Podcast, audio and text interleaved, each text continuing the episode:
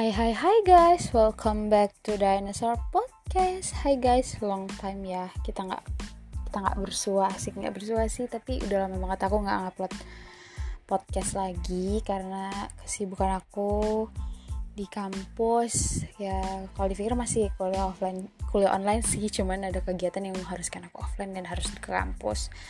Jadi um, kegiatannya udah selesai so how are you guys? Apa kabar kalian semua? Baik-baik aja kan? Aku alhamdulillah sehat-sehat aja meskipun ya tiap hampir tiap hari keluar terus dan baru ini bisa free yang bener-bener seharian di rumah. Oke okay, nggak usah berbasa-basi lama. Pada podcast kali ini aku bakalan nge-review drama tentang persekolahan lagi. Drama ini rilis tahun 2017 ini seperti sambungan dari drama yang bakalan yang udah aku review kemarin juga tentang persekolahan juga. Jadi drama ini adalah School 2017 hmm, karena udah bakalan ada lagi School 2021 udah malah udah tayang kemarin kalau nggak salah. Jadi aku punya niat buat nge-review 2017 ini karena menurut aku uh, ini juga unik jalan ceritanya. Karena jalan cerita aku nggak pernah tahu kalau ada hal-hal sediskriminatif itu di suatu sekolah tapi yang aku tahu untuk bullying tentang kasta itu memang sampai sekarang masih ada gitu jadi kita kalian dengerin aja reviewnya kayak gimana oke okay? oke okay, jadi judul dramanya itu School 2017 uh, berbahasa Korea pastinya. Ini adalah drama dari Korea Selatan yang dirilis di stasiun TV KBS 2 tanggal dirilisnya itu 17 Juli sampai 5 September 2017 berjumlah 16 episode dan disutradarai oleh Park Jin Suk jadi sesuai dengan judulnya ya guys drama ini benar-benar bercerita tentang kehidupan remaja di SMA ada cerita tentang sekolah, harapan, cinta, orang tua, cita-cita, orang-orang tercinta kita di lingkungan sekitar kita, persahabatan. Dan cerita dalam dalam drama ini juga mengajarkan penonton tentang banyak hal seperti persahabatan, pemberontakan, cinta pertama, cinta orang tua, impian yang teguh dalam mengejar cita-cita. Lengkap banget pokoknya dalam drama ini, guys. Jadi kalian harus nonton. Oke, kita langsung aja ke sinopsis drama Key Drama School 2017 ini. Jadi ceritanya di sekolah swasta bernama SMA Gemdo itu terdapat sistem pendidikan yang sangat aneh. Aneh banget guys, sumpah aku juga baru tahu kalau misalnya ternyata di luar itu ada sistem kayak gini. Entah itu basic on true story atau emang coba dibuat tapi kalau menurut aku sih pasti ini based on true story ya guys karena rata-rata kisah persekolahan drama drama drama persekolahan yang mulai dari 2013 2015 itu berasalkan dari kisah nyata juga yang benar-benar masalah yang emang lagi timbul di area persekolahan dan lingkungan sekolah anak-anak gitu loh guys. Jadi uh, siswa dibagi menjadi kasta. Mulai dari kasta pangkat sekolah hingga kasta ekonomi jika ingin makan di kantin, maka yang menikmati makanannya terlebih dahulu adalah yang paling atas dan anak-anak dari keluarga kaya. Yang bodoh, yang miskin harus rela memakan sisa makanannya.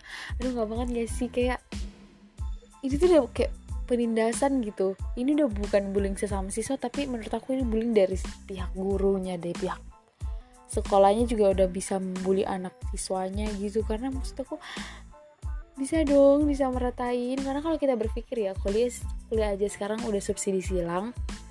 Yang yang berdasarkan gaji orang tua itu loh yang kuliah di negeri kan sistemnya subsidi silang gitu ya. Aku nggak kebayang kalau harus kayak gini. Harus ditindas banget sih kita yang nggak nggak punya apa-apa. Jadi sistem di sekolah ini pokoknya kalau kamu bodoh miskin juga maka siap-siap ditindas di sekolah itu jadi untuk bertahan di sekolah ada beberapa anak-anak yang memaksakan untuk berbohong tentang kondisi mereka yang sebenarnya dan ada juga yang uh, rela menjadi kaki tangan anak-anak orang kaya sekelompokan orang kaya, geng-geng orang kaya biar dia nggak ditindas dan nggak dibully gitu. Terus diskriminasi yang kuat tersebut akhirnya memicu percikan kebencian terhadap pejabat sekolah. Tentulah, karena menurut aku ya udah bullying ini diskriminasi ini udah beras bukan berasal dari siswa tapi udah berasal dari didikan sekolahnya. Terus percikan itu tidak mampu menjadi besar karena sumbernya dari kaum yang tertindas. Jadi nggak ada yang berani juga untuk mengeluarkan si fakta-fakta diskriminasi dalam sekolah ini karena ya udah mereka semua orang-orang yang ditindas mau tambah ditindas yang ada mereka mati nggak makan. Udah itu hingga akhirnya sosok X muncul bersembunyi di balik jaket hitamnya. Wow ini sinopsisnya udah udah bikin kalian tertarik buat nonton kan? Bersembunyi di kegelapan malam lalu diam-diam melakukan aksi pelecehan. Asik banget nih drama. Setiap kali X beraksi, keesokan paginya sekolah pasti akan gempar dan ribut. Karena perlahan demi perlahan aib kepala sekolah itu mulai terbongkar di mana-mana. Sampai kepala sekolah merasa dipermalukan oleh X, kepala sekolah pun bergerak bersama stafnya mencoba untuk menjebak si X ini. Mereka percaya bahwa X adalah salah satu siswa di sekolah tersebut. Nah, mereka untuk memancing X keluar, kepala sekolah menggunakan taktik adu domba. Ih gak banget. Kepala sekolahnya laknat banget sumpah. Kalau kayak gitu mungkin kalau untuk anak-anak barbar gitu mungkin bisa kali ya. Kepala sekolahnya pulang ditungguin di pinggir jalan terus dipukul gitu kalau anak-anak yang tawuran udah mati tuh kepala sekolah Barang siapa mau melaporkan hal-hal negatif yang dilakukan oleh temannya, maka ia akan memperoleh nilai tambahan. Aduh, di sini kayak seolah-olah di sini mereka semua disuruh buat cari musuh, jadi udah gak ada yang teman dan teman yang dilaporkan akan mendapatkan pengurangan nilai. Taktik yang bertujuan untuk menangkap X ini justru mengakibatkan terjadinya krisis kepercayaan pada siswa. Ya iyalah, yang ada nanti dia temennya gelagatnya aneh dikit, udah langsung dilaporin. Akhirnya mereka udah gak saling percaya. Akhirnya mereka yang bersahabat berpuluh-puluh tahun pun, tapi karena taktik iming-iming nilai tinggi biar kastak sekolahnya naik, nggak ditindas lagi, ya siapa yang nggak mau tapi ya balik lagi udah jadi hidup sendiri lagi nggak punya siapa-siapa kalau kayak gitu mah akhirnya mereka nggak kenal lagi yang namanya teman dan sahabat demi menambah nilai mereka juga mengkhianati teman mereka sendiri.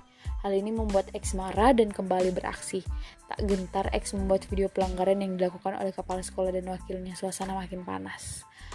Wow, sinopsisnya bagus banget ya guys. Buat kita penasaran siapa X sebenarnya Dan apa hukuman nanti di saat X sudah ditemukan dan bagaimana respon kepala sekolah kalau udah melihat X. Bagus juga sih sinopsisnya. Ini udah mengundang ya buat kalian aku udah nonton sih aku udah rewatch berapa kali dan bagus banget aku nggak bosan Nah pemainnya itu ada Ra Eun Ho, karakter Ra Eun Ho diper, diperankan oleh Kim Sejong yang juga merupakan runner up talent show, talent show yang produce One X One itu loh yang pencarian bakat juga. Nah dia di si karakter Raan Ho di sini itu sebagai anak yang ditindas termasuk anak yang ditindas juga. Dia ber, dia lahir di keluarga yang ya berkekurangan. Berkekurangan juga enggak tapi berkecukupan juga dibilang enggak.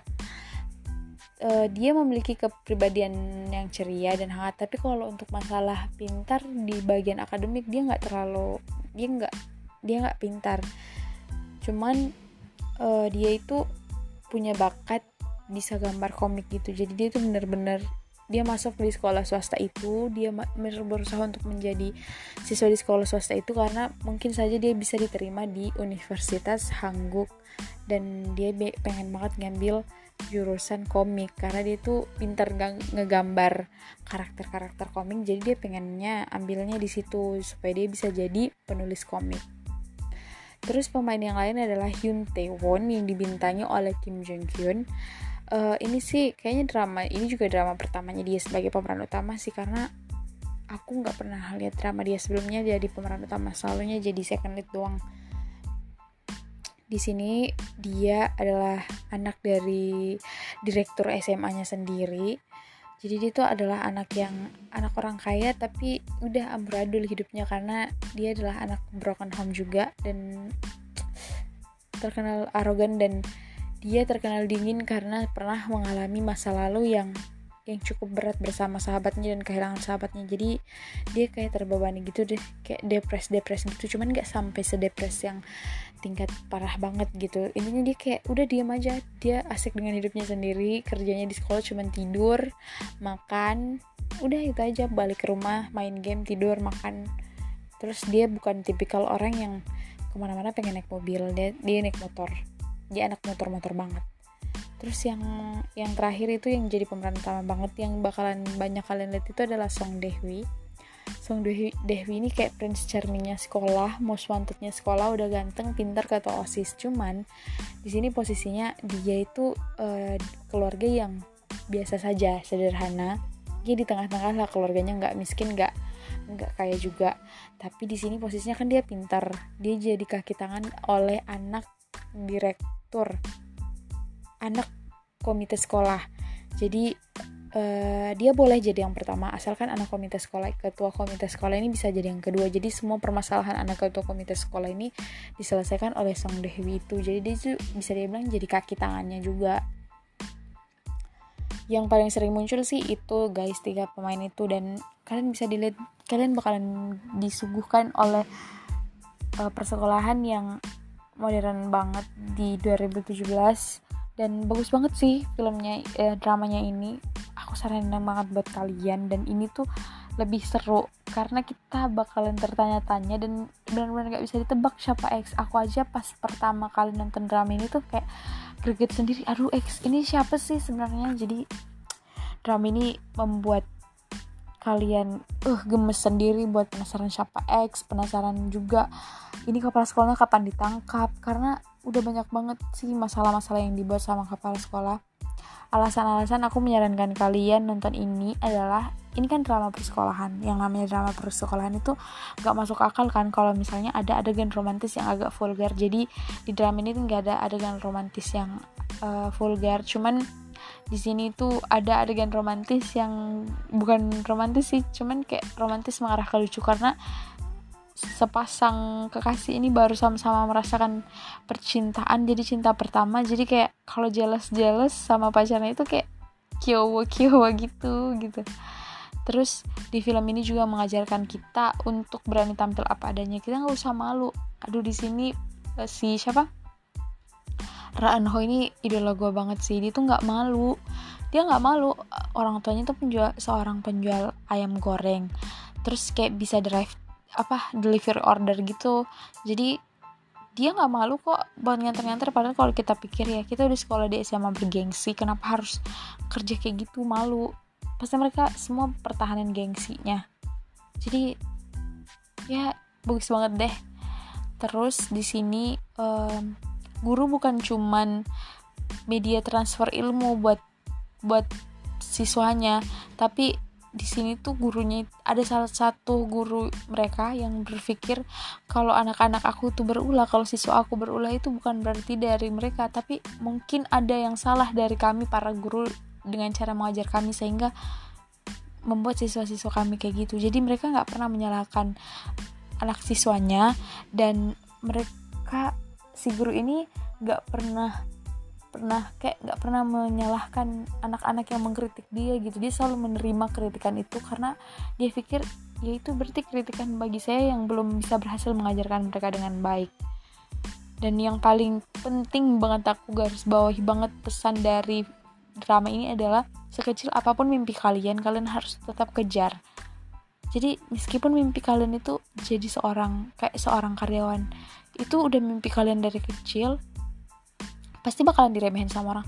Ngapain jadi karyawan kalau bisa jadi bos gitu kan? Sekecil apa pun mimpi kalian kalian harus bisa perjuangkan mimpi itu. Sama seperti Ryan Home meskipun mimpinya cuma jadi penulis komik yang selalu direndahkan sama orang-orang lain selalu diremehkan yang kayak apa sih jadi penulis komik? Gak banget. Gitu. Terus dengan keadaan kepintarannya dia yang gak terlalu di atas yang dia bisa dibilang di bawah rata-rata selalu diremehin tapi dia tetap kekeh aja gitu pengen ngejar mimpinya dia. Gitu jadi kayak aduh bagus banget deh film ini. Jadi kalian bisa saksiin film uh, film drama ini di View ada juga di Netflix dan pernah di di WTV juga ada juga. Di kalian saksiin aja. Jadi ini 16 episode. Drama ini aku rekomendasiin banget buat kalian yang suka kayak alur yang seru dan susah ketebak karena ini adalah drama yang tepat buat kalian nonton terutama anak-anak SMA dan semoga kita bisa mengambil sisi positif dari drama ini ya guys. Oke okay? sampai sini dulu review aku. Um, jangan lupa jaga kesehatan buat kalian semua. See you on the next podcast. Bye bye